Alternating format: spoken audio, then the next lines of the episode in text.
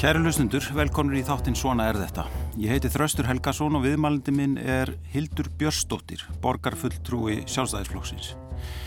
Hildur tilkynnti nýlega að hún byði sér fram til fórustu í borgarstjórnaflokki sjálfstæðisflokksins í Reykjavík en hún hefur verið borgarfulltrúi flokksins síðan 2018. Ég ætla að ræða við Hildu um nokkur málefni sem snerta borgina, umhverfismál, lofslagsmál og hvernig þau tengja stefnu borgarinn um þéttingu byggðar, borgarlínu og engabílin. Ég spyr Hildi einni um kynnslóðaskipti í borgarstjórnaflokki sjálfstæðisflokksins, hvernig fortíðin blasir viðinni og framtíðin. Og við ræðum líka hvernig pólitíkin horfum við ungu fólki en Hildur hóf störf sem borgarfulltrúi rétt ríflega þrítug. Hildur, velkomin í þáttin. Takk fyrir.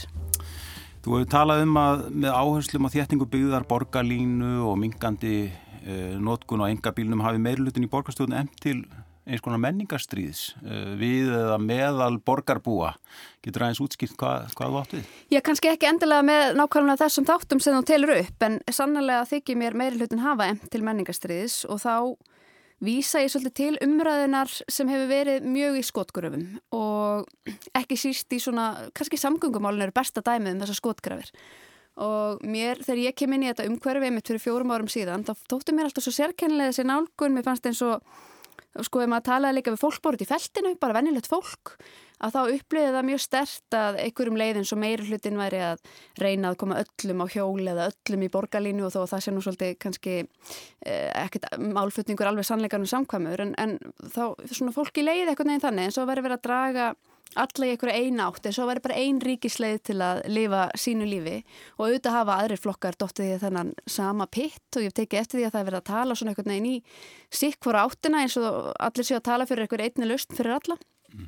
uh, og mér finnst þetta að vera svona eins konar menningarstríð af því að ég er nú, sko ég fyrir sjálfstæðisflokkin vegna þess að ég trúið á frelsið og valkostina og og mér finnst blasa við að auðvitað ég mun bara skapa hér umhverju í borginni þar sem eru fjölbreyttir fararmátar, fjölbreyttir valkostir fyrir fólk og, og að sveitafélag sé ekkert að skipta sér um ofa af því eða bara ekki skipta sér nokkur skapaðan hlut af því hvernig fólk velur að lifa sínu lífi heldur að við sköpum bara þetta umhverfi.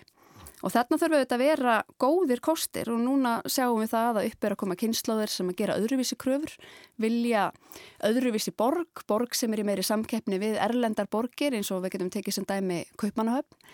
Og þar spilar auðvitað rullu að við þurfum að bjóða svona spennandi kosti í samgöngum líka. Og, það er auðvitað líka heilmikið bara já hvað ég segja, já lífskeðamál en svo þetta líka stort mál fyrir heimilisbókaldi eða að fjölskylda geti kannski komast upp með eiga eitt bíl en ekki tvo eða, eða ekki þrjá eins og, og áframmætti telja, bara fólk er í hérna, ólíkri aðstöðu hvað þetta varðar.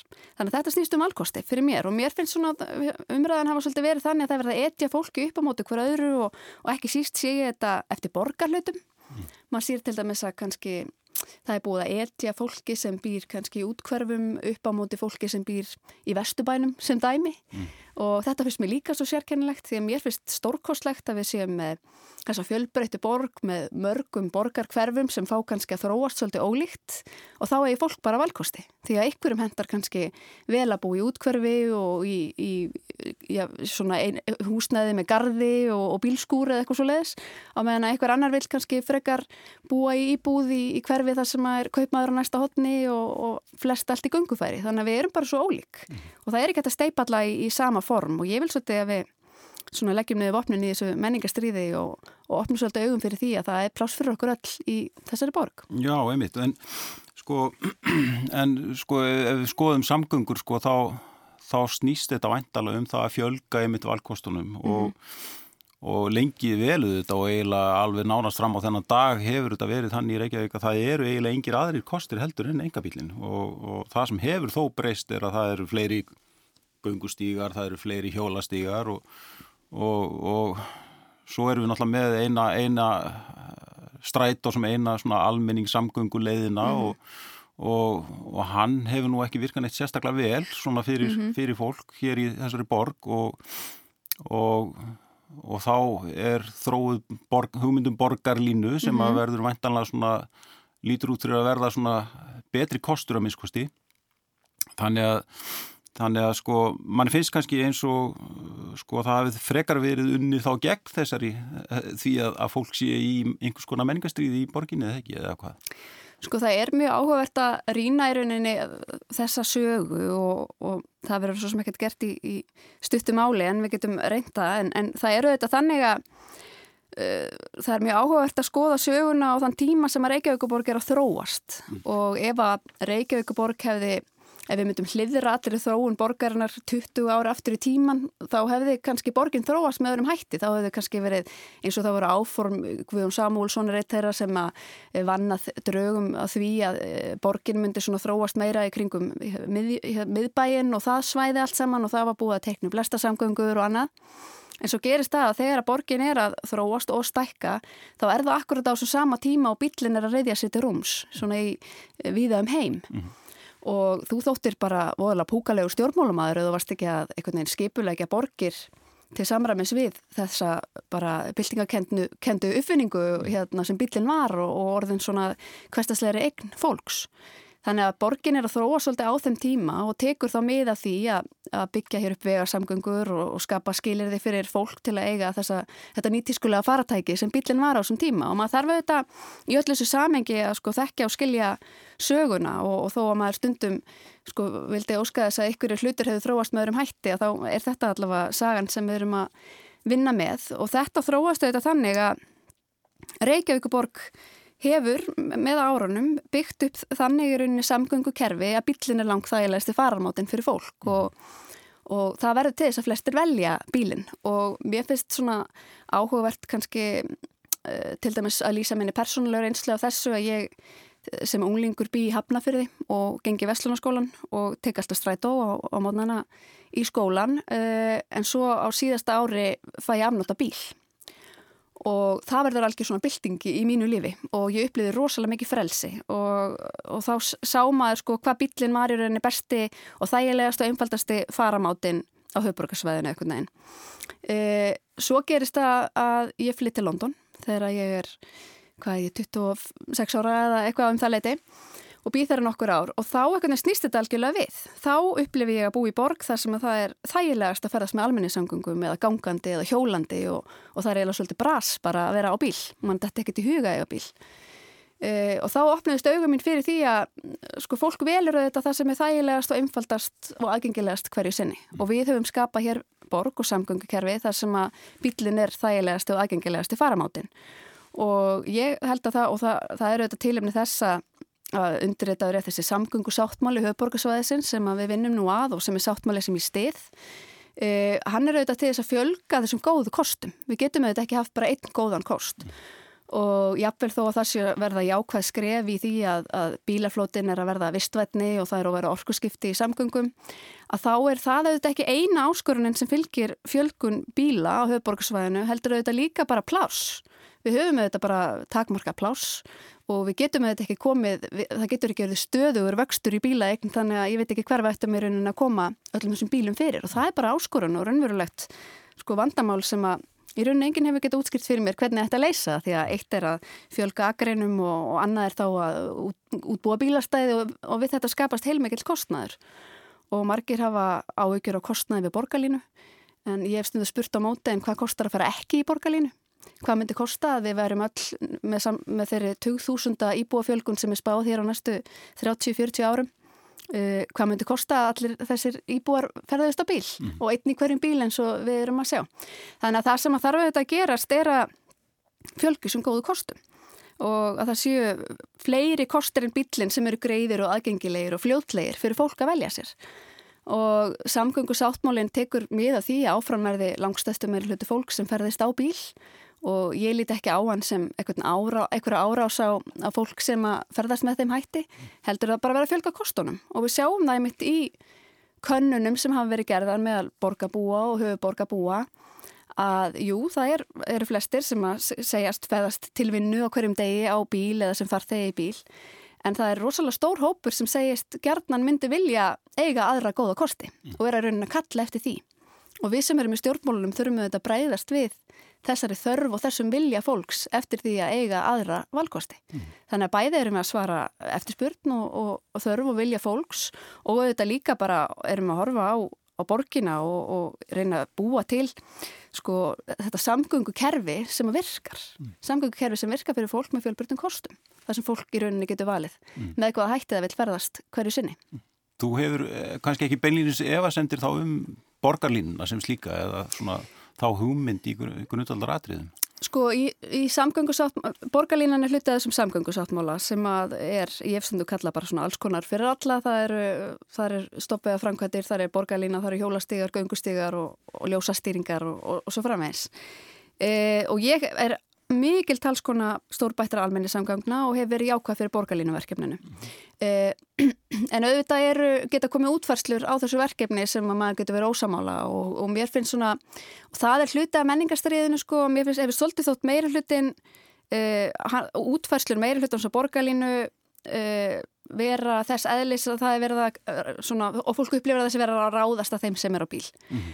Og Þannig að svo... það er frekar svona orraðan í kringum þetta sem að þú ert ekki satt við. Það er orraðan og svo er þetta líka ákveðnar útvarslur. Við sjáum mm. útvarslur þar sem er verið að hérna, taka agreinar á fjölförnum samgöngu æðum og annað og þetta er auðvitað bara til þess fallið að styggja fólk, til þess fallið að eh, vekja upp andstöðu mm. gegn verkefninu og mér finnst þetta mikils að vinna að reyna að skapa samstöðu mm. um svona stort verkefni eins og borgarlínu og vinna það í sáttu fólk og gera það þannig við sem að svara þörf og eins og ég segi, bara skapa sátt um samgöngumál á höfuborgarsvæðinu því að auðvitað er það þannig að höfuborgarsvæðið hefur verið svelt um samgönguframkvæmdir áratöga skeið og við erum að sjá að það er alltaf verið að fara í framkvæmdir á landsbyðinni og verið að byggja göng og annað. En, en höfuborgarsvæðið hefur ekki fengið svona samsvarandi fjármagn til þess að byggja upp svona gott og skilvirt samgöngukerfi hér. Þannig að samgöngusáttbáluna var auðvitað ákveðin bilding mm. Og nú er það bara okkar verkefni að taka það fyrir sem hinga kemur og vinna vel úr því og fara í þessar fjölbreyttu lausnir fyrir fjölbreytta faranmáta en passa þetta þetta verði allt gert af hagkvæmni og skilvirkni. Mm -hmm. En sko, en hvað með sko enga bílin? Mm -hmm. Ma, maður sér nú fyrir sér sko að, að það landslag sé nú að fara að breytast halsveit mikið bara á næstu, á þessum áratug.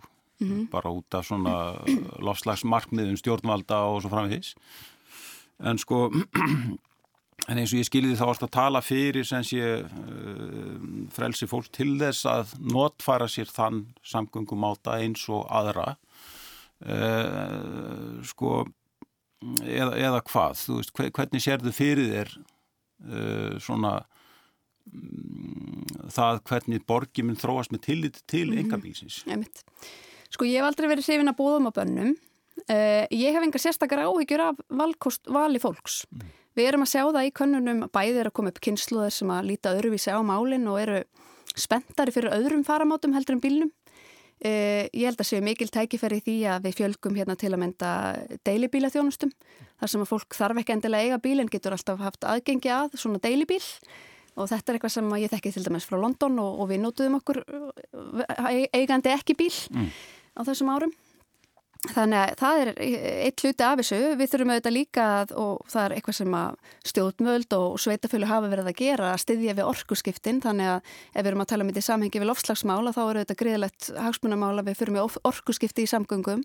Og það er eitthvað sem að e, borgin hefur meðlan stutt við og stjórnmöld. E, þar finnst mér enda líka svona áhugur vingill að því henn og hæri kona sko trú á samkeppni en við þurfum líka að gæta því að það sé ekki bara sveitafélagið og, og fyrirtækið sem að sveitafélagið á sem að fá að standa á þessum orkuskiptum það eru það fjöldi fyrirtækja og einirkja og annar aðila sem eru mjög spenntir fyrir að taka þátt í þessari þróun að bjóða hérna raf, rafleðslu stöðar í borgarlandinu og fleira.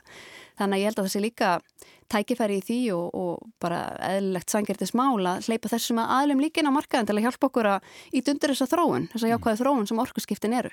En ég hef engar ágjör af því, af, af sko, því að gefa fólki þessa valkosti, ég held að við séum bara fólk sé mjög opið fyrir því að gera breytingar og það sjáum við á könnunum. Það eru ákveðnir aðláru þetta sem vilja bara vera á sínum bíl e, og eins og ég segi, samgöngusáttmálinn e, gerir áfyrir að um, rúmlega 60% fólks verði áfram á bíl eða um, um það bíl e, sem eru þetta heilmikið fjöldi og, og þannig er talið að þetta samgöngukerfi geti allt saman gengið ágætlega fyrir sig. Þannig að mér finnst svona kannanir sína og, og sem við fengið margar kannanir sína, fólk er alveg reyði búið að gera breytingar og ekki mm. síst yngra fólk og yngri kynnslóður sem að líta svolítið öðruvísi á, á málinn. Þannig að Já. ég óttast ekki það að fólk fá að velja og fólk fá að vera svolítið ólíkt og fjölbreytt. En þetta er uh, samt skipulagsmál, það er sem sé eins og bara mjög gott dæmi með munin á Reykjavík og, og London Já. sem þú upplifir að það er skipulagið og einhverjar ákvarðanir, uh, skipulags ákvarðanir inn í þessum borgum sem að breyta hegðun fólks og skipta máli um það hvað fólk velur. Það, eins og segir, það velur þægilegasta mátan til þess að ferðast og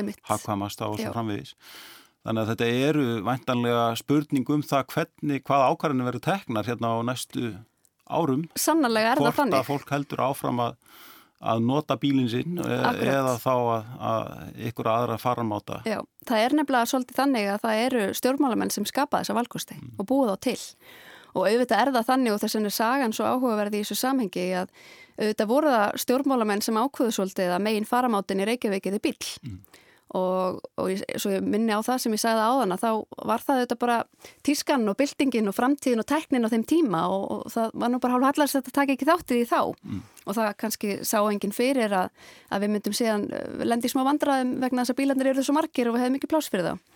En það er bara tíminn og sá og nú erum við bara stöndum við öðrum tímamótum og stöndum fram fyrir þessum áskorunum og nú þurfum við auðvitað að búa til þessa fleiri valkosti og um það snýst þeim þessi samgöngusáttmáli.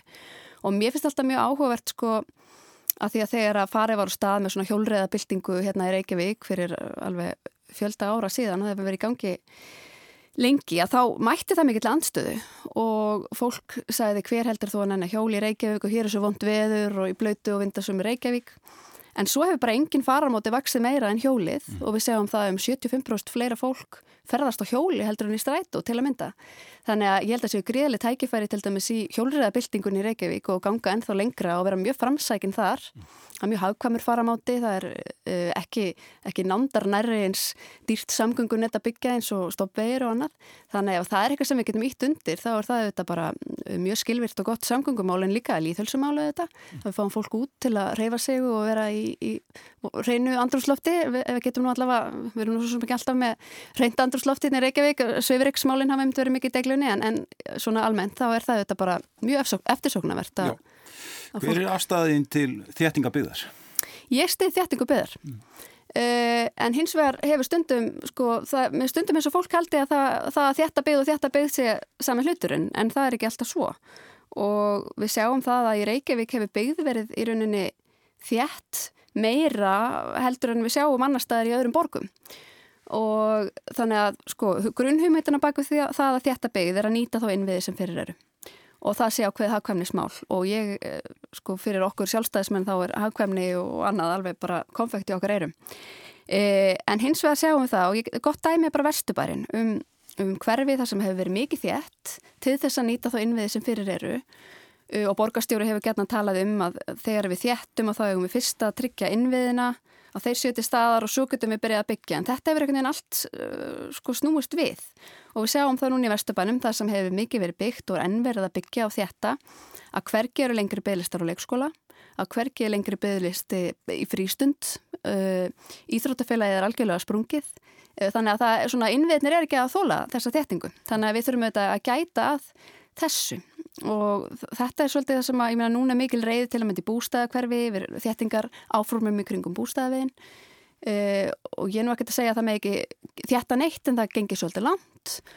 Og mér fannst það líka sko, líkta svolítið af ákveðinu skilningsleysi gagvart þessu hverfi sem að hefur verið að fara í gegnum mikla erfileika í raunin á síðustu árum með uh, miklumálum í fósfórskóla sem hafa leitt þess að börnuru ímist í einingarhúsum á lóðinni eða fara í grafavójana hverjum degi með rútu í sinn skóla. Leikskólinn Kvistaborg hefur líka verið uppnámið vegna miklumála, þar hafa börnin verið að fyrir Savamýrina. Þannig að það er svona algjör upplausn í skólasamfélaginu og fólk er mjög reitt og svo kemur þetta ofan á. Og mér fannst það svona... Mér finnst mjög sérkennilegt að sjá þessa tillugu koma á þessum tímapunkti og mér finnst að lýsa svolítið skilningsleysi á einhvern veginn líðan fólks í þessu hverfi. Mm. Að þetta var kannski ekki alveg tímabært að taka svona umfangsmikla umræðu á meðan að þessi skólamálu er svona mikil upplaust. Mm. Þannig að já, ég menna að stuttasværi er í stið þjættingu byggðar en það þarf ekki alltaf að ganga svona langt og við þurfum að gæta því að innviðinir séu til staðar og þjætta byggð á stöðum þar sem að innviðinir þóla aukna byggð. Og eitt dæmið er auðvitað nýtt, nýtt hverfi, ekki rótgróið, en nýtt hverfi sem er Úlfarsárdalurinn og þar eru hafa hefur verið mikið púður lagt í alveg frábæra innviði, frábæra sundlaug og bókasapn og skóla og þetta hverfið þólir aukna byggð og það mætti alveg skoða það. Einmitt. En, en þú ert á, er, nú stendur til dæmis til að og það er byrj, byrjað að framkvæmda í tæmis í Vogabygð og, og svo er verið að plana nýja byggð í Ártúnshauða mm -hmm.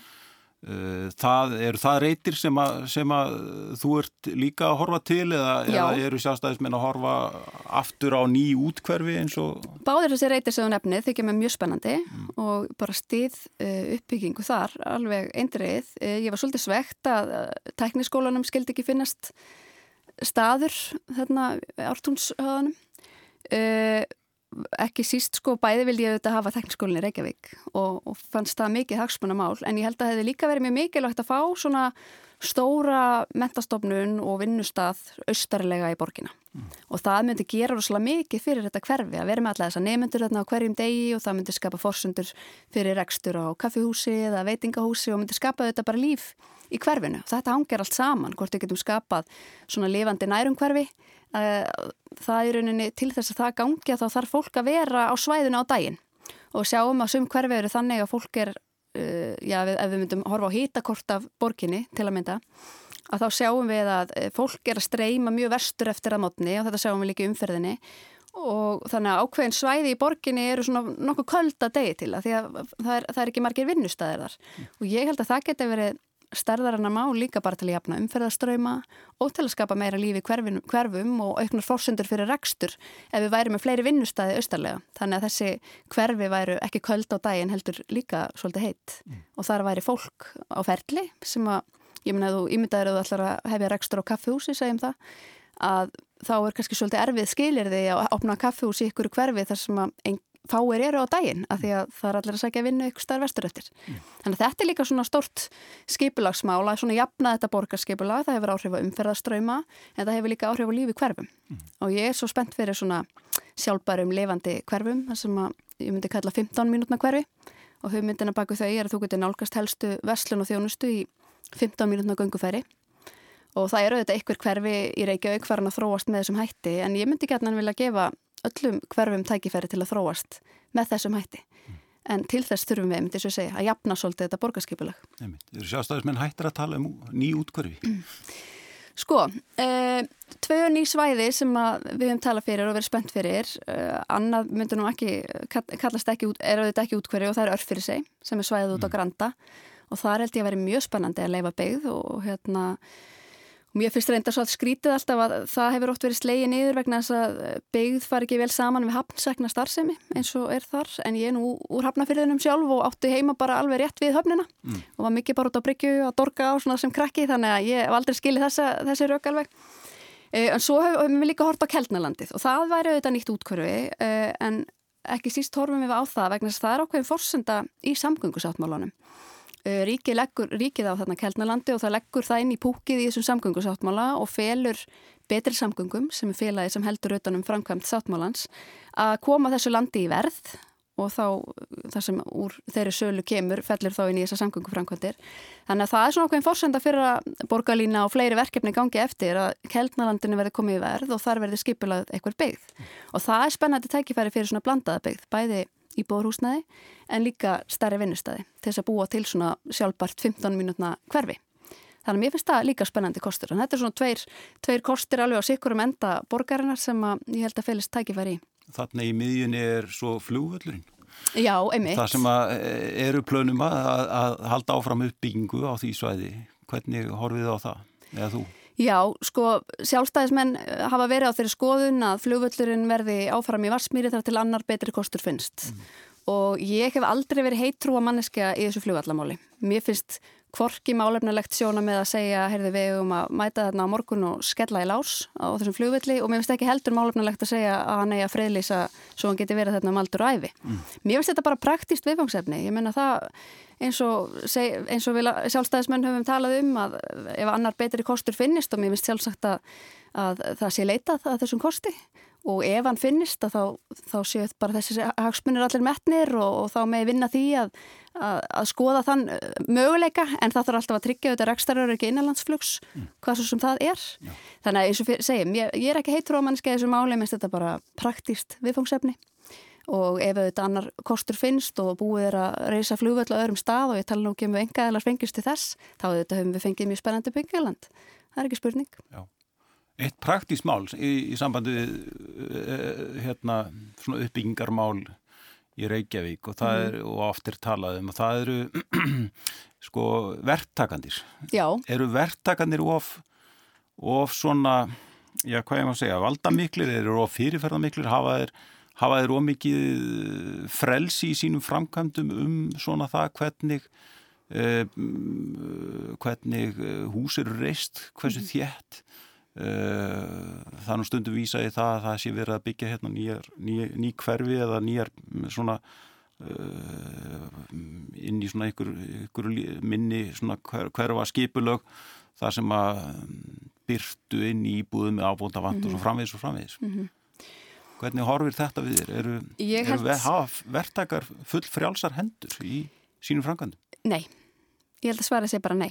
E, það hefur alveg gerst eitthvað tíman í sögunni að, að við sjáum húsnæði eða jafnvel svona einhverja hverfi sluta af að þróast með svolítið sérkennilegum hætti og maður auksar býtunum við af hverju var þetta leift. En ég held hins vegar sko sé, þessu sé einmitt öfugt farið í dag um maður, ef maður hittir einmitt verktaka eða stóra byggingaræðilega þá hvert það er einmitt frekar undan mjög krefjandi regluverki hjá Reykjavík og Borg, mjög stífum römmum og miklum töfum og mjög þungu og svifaseinu kerfi og ég veit reynilega mörg stærri verktakafyrirtæki sem bara kjósa sér að byggja ekkert í Reykjavík vegna þess að það sé svo flókið. Mm. Þannig að ég held að þarna sé miklu frekar sko tækifæri til að létta eins á kerfinu, fækka rosalega mörg skref sem þú þarfst að fara í gegnum og ætlar að byggja og er, það getur verið rosalega miklar og langar tafir og við erum auðvitað í, í sko, stödd á þeim staði núna að það er gríðileg húsnæði störf auðvitað á landinu öllu og ekki sísta höfuborgarsvæðinu og Reykjavík sem höfuborg þarf að standa sig mun betur í húsnæðis uppbyggingu. Þannig að til þess að við getum byggt á sem hraða sem þörfur á, þá þurfum við auðvitað að hafa svona aðeins sveianleira og fljótvirkara kerfi og kerfi sem vinnur meira með framtakinu í borginni. Mm. Þannig að ég er alls ekkert að segja að, að hér er að slá af öllum kröfum og, og hérna, byggja hér upp eitthvað húsnað þar sem engin byrtanærin íbúður og annars að þú nefnir að sjálfsögð ekki. Við þurfum að gera kröfum að auðvitað hér sé byggt bara hvað í, sam, í samræmi við þetta hvernig hverfin eru og í sáttu fólk og annað mm. en, en ég held að sé, sé mikil tækifæri því að leta hér á regluverki og skapa sveianleira umhverfi og sveianleira stjórnsýslu mm. Sko svona af þessu samtali okkar þá mm -hmm. sko uh, mér finnst að það, það er kannski ekkit neitt rosalega mikill áherslu munur á milli eins og bara, ég var nú með Dag Bjekilsson hérna í viðtali fyrir bara mánuði síðan cirka -hmm. sannlega um, um bókinan sem kom út fyrir jól og sko það er það rétt hjá mér, það er, það er kannski ekki mikill áherslu munur á milli eins og þín og, og, og, og núverandi stjórna, uh, borgar stjórna meirluta?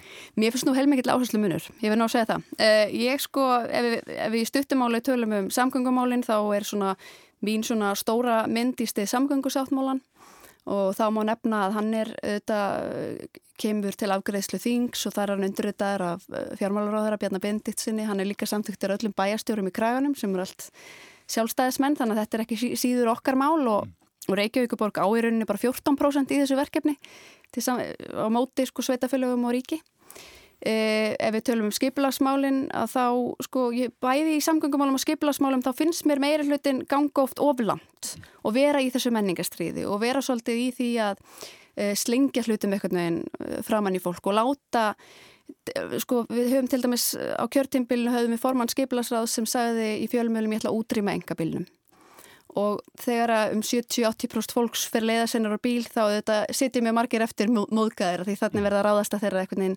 lífskostum og þau finnst þau ekki mæta skilningi að þetta er kannski eina leiðin sem þau hafa í sínum hverstegi til þess að komast leiðasennar þannig að mér finnst sko Uh, þau ganga oft mjög langt uh, en nú, þetta erum við bara að tala um sko í borginni hefur verið að eiga sér stað ákveðin borgarþróun sem átti sér líka stað þegar að Hanna Byrnaði borgarstjóri og hefur átti sér stað um lengri tíma og við bara ganga áfram skref fyrir skref og þetta er þróun sem við sjáum í borgunum í kringum okkur að við erum alla borgir að standa frammi fyrir þessum áskorunum með bílinn, hvað bílaegn er að fjölga mikið og það þurfa að bjóða þær að kosti og svona.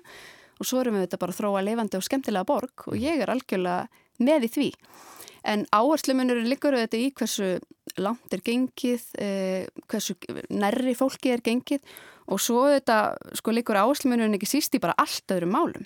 Eins og til að mynda fjármálum borgarinnar, leikskólamálum, skólamálum og, og þessu málum sem varða þjónustunum við fólk, þjónustuna sem að varðar þennan, þetta daglega líf fólk sem að mér finnst að vera algjörlega skilin eftir vegna þess að borgarstjóri hefur fyrst og fremst áhuga á skipilás og samgöngumálum og það hafa verið hans ær og kýr og það er svona hans kannski legacy eh, en mér finnst það að algjörlega staðið eftir þessi mál sem að ég held að skipti fólk kannski mestu og er það sem að fólk ætlist til þess að fá fyrir útsáskreðsluna sínar. Það er þessir öflugus grunnskólar og trösta leikskólaþjónusta og velferðaþjónusta og þessi hluti sem var að þetta dælega líf. Hvað finnst þér bjáta á þar? Já, hvað er ég að byrja? Við getum byrjað að tala um skólana. Þar er þetta hefur verið stort mál á þessu kjörtímbili bara viðhaldsmál og skólahúsnaði.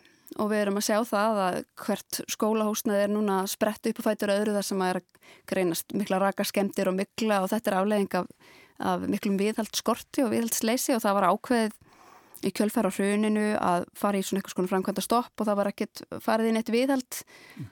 þá en, en þessu hefur ekkert verið undu ofanaf í alveg heilum sko heilum þremur kjörtímabiljum síðar sem að mér finnst mjög sérkennilegt og við erum að sjá, ég menna Fossóskóli er náttúrulega bara skýrista byrtingamendin af þessu, það sem skólastarf hefur verið algjöru uppnámi nú í um þrjú ár.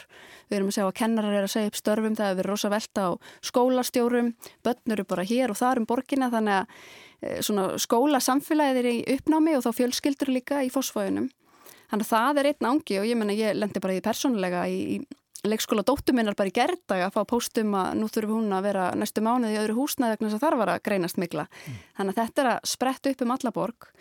Mér finnst líka meg að vera meiri metnaður bara í, sko við erum höfuborgin og mér finnst að við erum að vera í fórustu mm.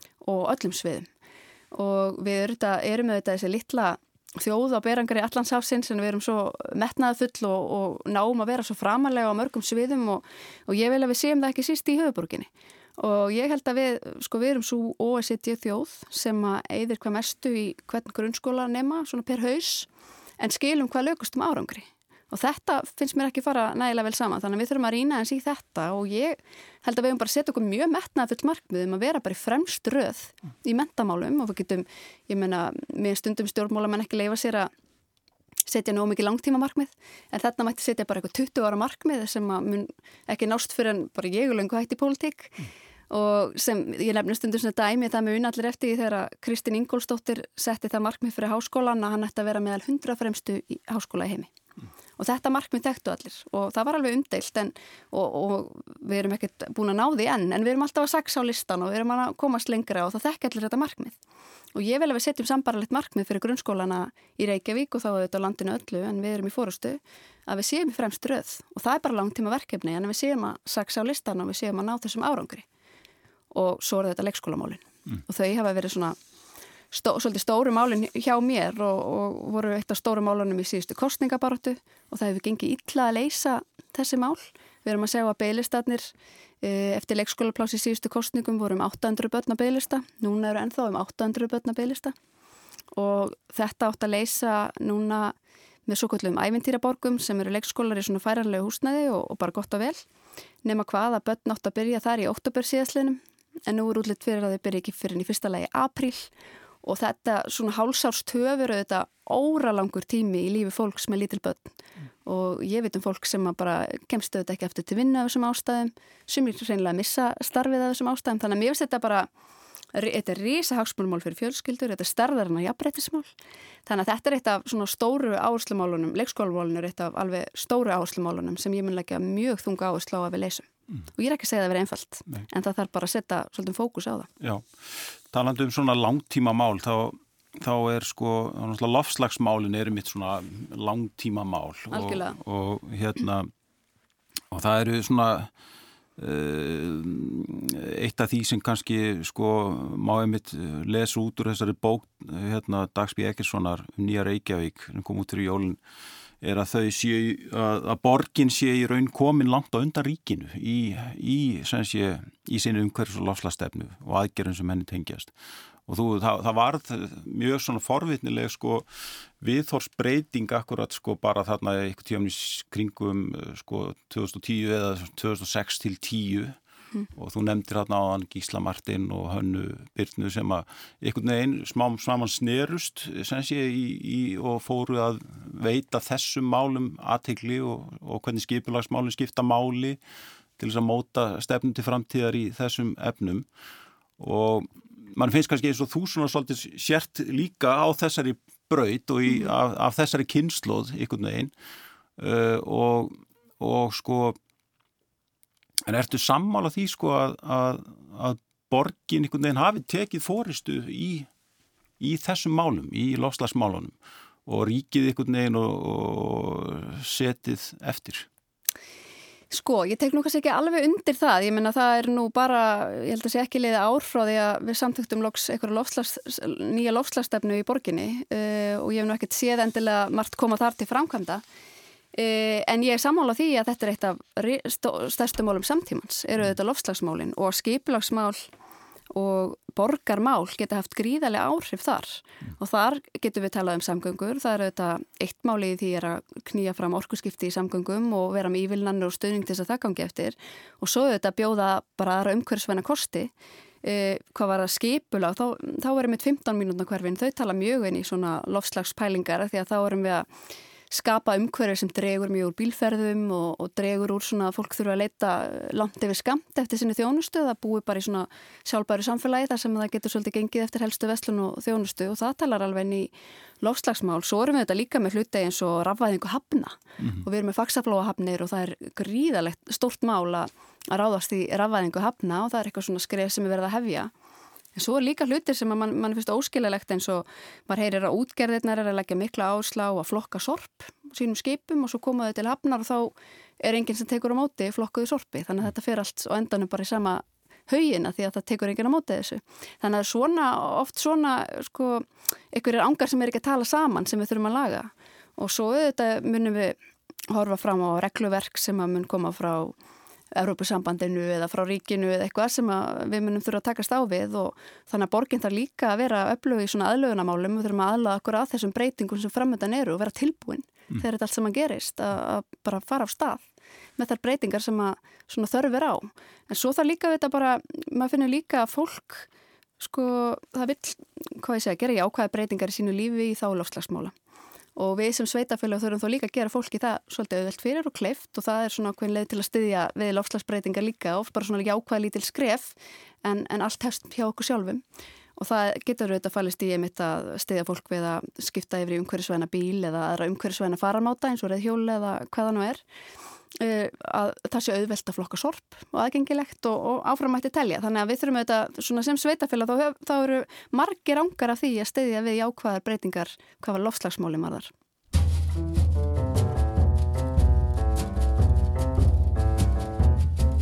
Kæru hlustundur, ég heiti Þraustur Helgarsson og þið eru að hlusta á þáttinn Svona er þetta. Gestur minna þessu sinni er Hildur Björsdóttir, borgarfull trúi Í þessum þáttum hefur verið rætt við forunilegt fólk úr ímsum kim samfélagsins um reynslu þess og viðhorf. Guðni Elísson, bómyndafræðingur og rítuðundur talaði um nýja skáltsugur sína, Ljóskildruna. Hægt er að hlusta á svona er þetta í spilararúf og í öllum helstu hlaðvarps veitum. Ég myndi búa til í einhverju skilningi orðsins hlýðar veruleika eh, við íslenskan veruleika mm. í, í því hvernig ég notaði tungumálið eins og til dæmis í því að það er aldrei notað slettur mm. í sögunni allt er þýtt við tölum ekki um Time Magazine, við tölum um vikublaði tíma og svona mm. þannig að í einhverju skilingi orðsins þá verður til einhver veruleiki þar sem sko íslensk tunga um, er sko, stórt og mikið viðfangsefni ja. og er lift upp í íróniskar hæðir í sögunni mm. þannig að á sama tíma og sagan er tilröðin til þess að greina íslenska samtíma þá er hún líka í einhverjum skilningi á þessi leikur með íslenska samtíma og fjarlæging frá honum Hildur, hvenar og hvernig byrjaður í pólitík? Heyrðu, ég hef verið 31 á skömmul, um já, þegar ég byrja í hérna pólitíkinni. Ég reyndar, sko, ég á engan sérstakann, uh, ég er svona kannski minn pólitíski fyrirlar óbundin að því leiti að margir hafa byrjað miklu fyrr heldur en ég áður en þeir verða segja kjörni fulltrúar. Tókstu ekki þátt í flokkstarfi sem sé áður en þú byrjaðir? Í sjálfu sér ekki. Ég var í stúdendapólitík og það var minn bakgrunn. Ég var formaðið stúdendaráðs 2009 til 2010 og það var alveg ótrúlega skemmtilegur tími í mínu lífi og uh, ég, ég fann svona rosalega mikla ástriði fyrir því verkefni og var í rauninni árin eftir alltaf ég leitað starfi sem myndi færa með sömu ástriði. Mm. Eh, svo gerist það þarna árið 2018 í upphafi árs að ég er svona krossgötum í, í starfi, ég er búin að vera starfandi sem lögmaður í London, eh, nýflutt heim og er svona horfið kringum um hvað ég að taka við hjá mig næst og mjög opinn fyrir að gera breytingar, að bara fara að gera eitthvað allt annað. Og þá fæ ég bara símtall um hvort ég hafi áhuga á að taka sæti á lista sjálfstæðisflokksins og já þetta kom bara einhvern veginn á fullkomnum tíma, næstu eins og fyrir örlegana tilstöðlan og, og hérna ég tók bara slægin og það var bara, ég sé ekki eftir því það var alveg hrikalega skemmtilegt og ástriðan alveg komin aftur sem ég var að leita allir segur. Hvernig var að koma inn í Íslands stjórnmál? Sko það var auðvitað og er mjög sérkennilegt ef ég er bara alveg heiðaleg og Já. margt sem að veldu manni vonbröðum. Uh, mér finnst sko uh, umhverfið mjög sérkennilegt, ég minn bakgrunnur eru auðvitað úr lögmennsku og lögmennska feilur það í sér í eðli sínu að vera ágreiningur mm. Og maður sittur oft við borð eða í sal eða hvaða nú er og er í ágreiningu um ólík sjónamið en fólk gerir það af háttvísu og kurtisi og það er engin dónaskapur. En svo kemur maður í þetta pólitíska umhverfi og, og þá einhvern veginn er þessu þver öfugt farið. Og jáfnvel sko finnum maður líka og það er ekkert endalí stjórnmálamörunum sjálfum heldur í umræðunni og hjá fólki að sko það, vil hatar þá sem það er ósamála mm. og það fyrir mér að það er svo fjarlægt. Ég geti verið alveg hjartanlega ósamála ykkurum en það er ekki til í mér að ég hati viðkomandi eða hafi ykkur svona opuslega neikvæðar tilfinningar í þeirra garð. Og ég hef reyndar verið þannig síðan ég var unglingur og mér finnst oft skemmtilegast að tala við þá sem eru mér ósamála því mér finnst gaman að fara í raugraðina og kannski þess vegna fer ég í lögmennsku og svo í pólitík. En auðvitað er þetta, þetta er skrítið umhverfi uh, Já, stundum sko bara ofbúrslega lágu plani og mér finnst að vera viðfangsefni fyrir okkur sem erum í borgarstjórnum við höfum að ávarpa það og við höfum að tala um það og horfast í augu við það að við erum svo stopnun í íslensku samfélagi sem mælist með minnst tröst mm. og þetta sína kannanir eftir kannanir. Og mér finnst það mikið áhugjöfni og stundum bara hálf vandræðilegt að tilhera starfsvettofengi sem að fólki finnst vera svona einhver hálfgerðu sirkus. Mm. og það er okkar verkefni og viðfangsefni að taka stáðu það og breyta því. Og þá þurfum við að breyta, við byrjum að breyta því hjá sjálfum okkur auðvitað. Og ég var alveg staðið með því að vera inn í þessu umhverfu okkur neinn detta inn í þennan takt og grýpa sjálf um þessu og vera bara að bytja fyrir ekki, þú veist, þetta er ekki þú, Hildur, veist, svona stjórnmálamæður vilt ekki vera. Ég er svona reyndatæmi það að vera málefnaleg og, og mér skipti ekki máli hvaðan gott kemur og annað sko og, og sumir gaggrína mig fyrir það, finnst ég meg að vera svona dónalegri en það er ekki minn stíl og ekki minn standard. Eh, en svo er líka annað í þessu sem að er sérkennilegt og það er svona þessi kúltúr að vera að funda fram á nætur og annað og, og sko ég held að, og það er svona stjórnmál umhverju þetta er eins á þingi, þetta er umhverju sem að er búið til þetta fyrir mörgum áratögum síðan þegar að það eru í megin aðtröðum eða öllu leiti kallmenn sem eru á sem vettvangi sem eiga þessum tímum eru konur heimavinnandi að sinna börnum og nú er þetta allt breyst. Og nú erum við borgarstjórn sem hefur aldrei verið yngri, svona meðalaldri aldrei verið fleiri konur og það er bara komin önnur viðhorf og okkur finnst þetta bara skrítið. Mm. Okkur finnst skrítið að vera að hefja funda klukkan 2 og funda til 2 á nóttinu. Okkur byrjum ekki snemma mótni og, og hættum bara um kvöldmataleiti og erum að gera borgarbú með eitthvað gagn þegar við erum að nöldra eitthvað tíman döðþröytt eftir miðnetti og svona þannig að það er komin önnur viðhorf og ég held að sé alveg ástæði til að horfa eins á þetta kerfi og hugsa færaðans til nútímans. Mm. Maður velti stundum fyrir sér sko uh, eru, eru, er pólitíka eða stjórnmál sko framtíðar starfsvettvangur ungsfólks? Emitt. Þegar maður svona horfir á svona svolítið bæði uh, hörguna í umræðunni uh, ekki bara á milli stjórnmálamanna heldur líka bara viðhort til stjórnmálamanna mm -hmm. og hvað þeir fá yfir sig á samfélagsmiðlum mm -hmm. og, og, og svo framvegis og, og síðan líka bara einmitt eins og nefnir þetta starf eiginlega krefst mjög mikils af fólki mm -hmm. það, það er þetta verður að, að þeirra lífi mm er þetta Myndur ráðleikja ungu fólki að fara, nú erstu sjálf bara Já. mjög ung þegar þú byrjar að vinna í þessu. Sko ég held að sé Umhverfi. mjög holdt og lærdómsríkt fyrir alla að taka þátt í einhvers konar stjórnmálastarfi, hvort sem er sem kjörnum fulltrúar eða inn í flokkum eða bara berjast fyrir einhverju málu sem þú trúir á. Ég held að það er mjög holdt og lærdómsríkt. Það segja margir við mig, guð, ég skil ekki hvernig þú nennir að vera þessu. Hvernig óskopar þú nennir þessu, þú ert vel mentuð og getur gert eitthvað annað. Og ég er alltaf svo hissa, ég hef, lang, vil ekki allir vera í þessu, því mér finnst þetta svo spennandi og skemmtilegt. En ég skilu þetta og ég sé alveg hvaða, hvað fólk meinar og ég sé alveg hvaða þættir í starfinu eru óalæðandi fyrir fólk og maður þarf sannlega að vera með ansi breytt bak. Ef maður ættar að vera svona í einhverju framlínu í stjórnmálum og, og vera í umræðinni og, og, og svona færa rauk fyrir sínum sjónamiðum að því það er ekkert allir sammála. En ég hef alltaf bara verið svo óhrætt við að tala við fólk sem er mér ósamála, mér finnst það skemmtilegt og við þurfum að virða það í, í samfélagi, í svona líðræðslegu samfélagi, það eru alls konar skoðaðir og sjónamið og við þurfum bara að geta að rætta og við þurfum að láta þessari hægðun að vera hatast út í fólk sem hefur eitthvað öðnur lífsviðhorf. Því öllu viðhorf eiga þetta rétt á sér og sjónamið. Þannig að jújú, jú, þetta er hérna, mjög finnst þetta ábúslega skemmtilegu vettvangur og ég er alltaf að skora fólk að koma inn og, og vera með og taka þátt en það er auðvitað margt sem við þurfum að breyta en ég held að það breytist ekki nema með nýju fólki með ferska sín sem lítur á þetta svona svolítið undrandi augum að það er, það er fólki sem er breyta þessu og við þurfum það fólkin. Einmitt.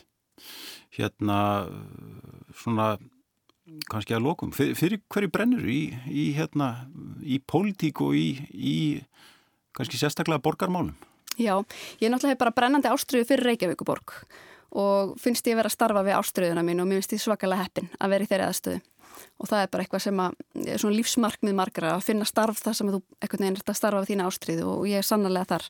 E, ég brenn mjög fyrir málefnum fjölskyldunar og ég er náttúrulega fjölskyldukona sjálf, ég á þrjú börn á ólíkum skólastegum og ég finn bara að það er ekki verið að þjóna fjölskyldunum nægilega vel í Reykjavík. Þannig ég brenn mjög fyrir leikskólamálum, ég brenn fyrir öflugum grunnskólum svo er ég svona algjör, algjör tæri nörd hvað það varðar, ég brenn líka fyrir fjármálunum og koma fjárhægi borgarinnar í betri farveg þannig að við getum einhvern daginn farið í að lækka skatta og annað sko. En það er svona mín, mín eina af mínum svona pólitísku ástriðumálum en ég brennu þetta bara fyrir það að Reykjavíkuborg sé fremsturöð og eins og ég lísti á þann þá erum við Íslandingar auðvitað ótrúlega þjóð og okkur hefur einhvern veginn tekist að vera í fremstu þjóð, fremstu röð í samanbyrði þjóða og svona alveg smæli hverða og ég vil að borgin okkar, því borgin okkar nær því ekki en ég vil að höfu borgin okkar ná því og við höfum allar fórsöndur og allar möguleika og öll tækifæri til ef við bara þórum að stefna nógu hátt, setja okkur langtíma markmið og bretti bermar. Hildur, það var ánægilegt að fá því þáttinn. Takk fyrir komuna. Takk fyrir mig. Kæru hlustundur, við verðum hér aftur á viku liðni. Góða stundir.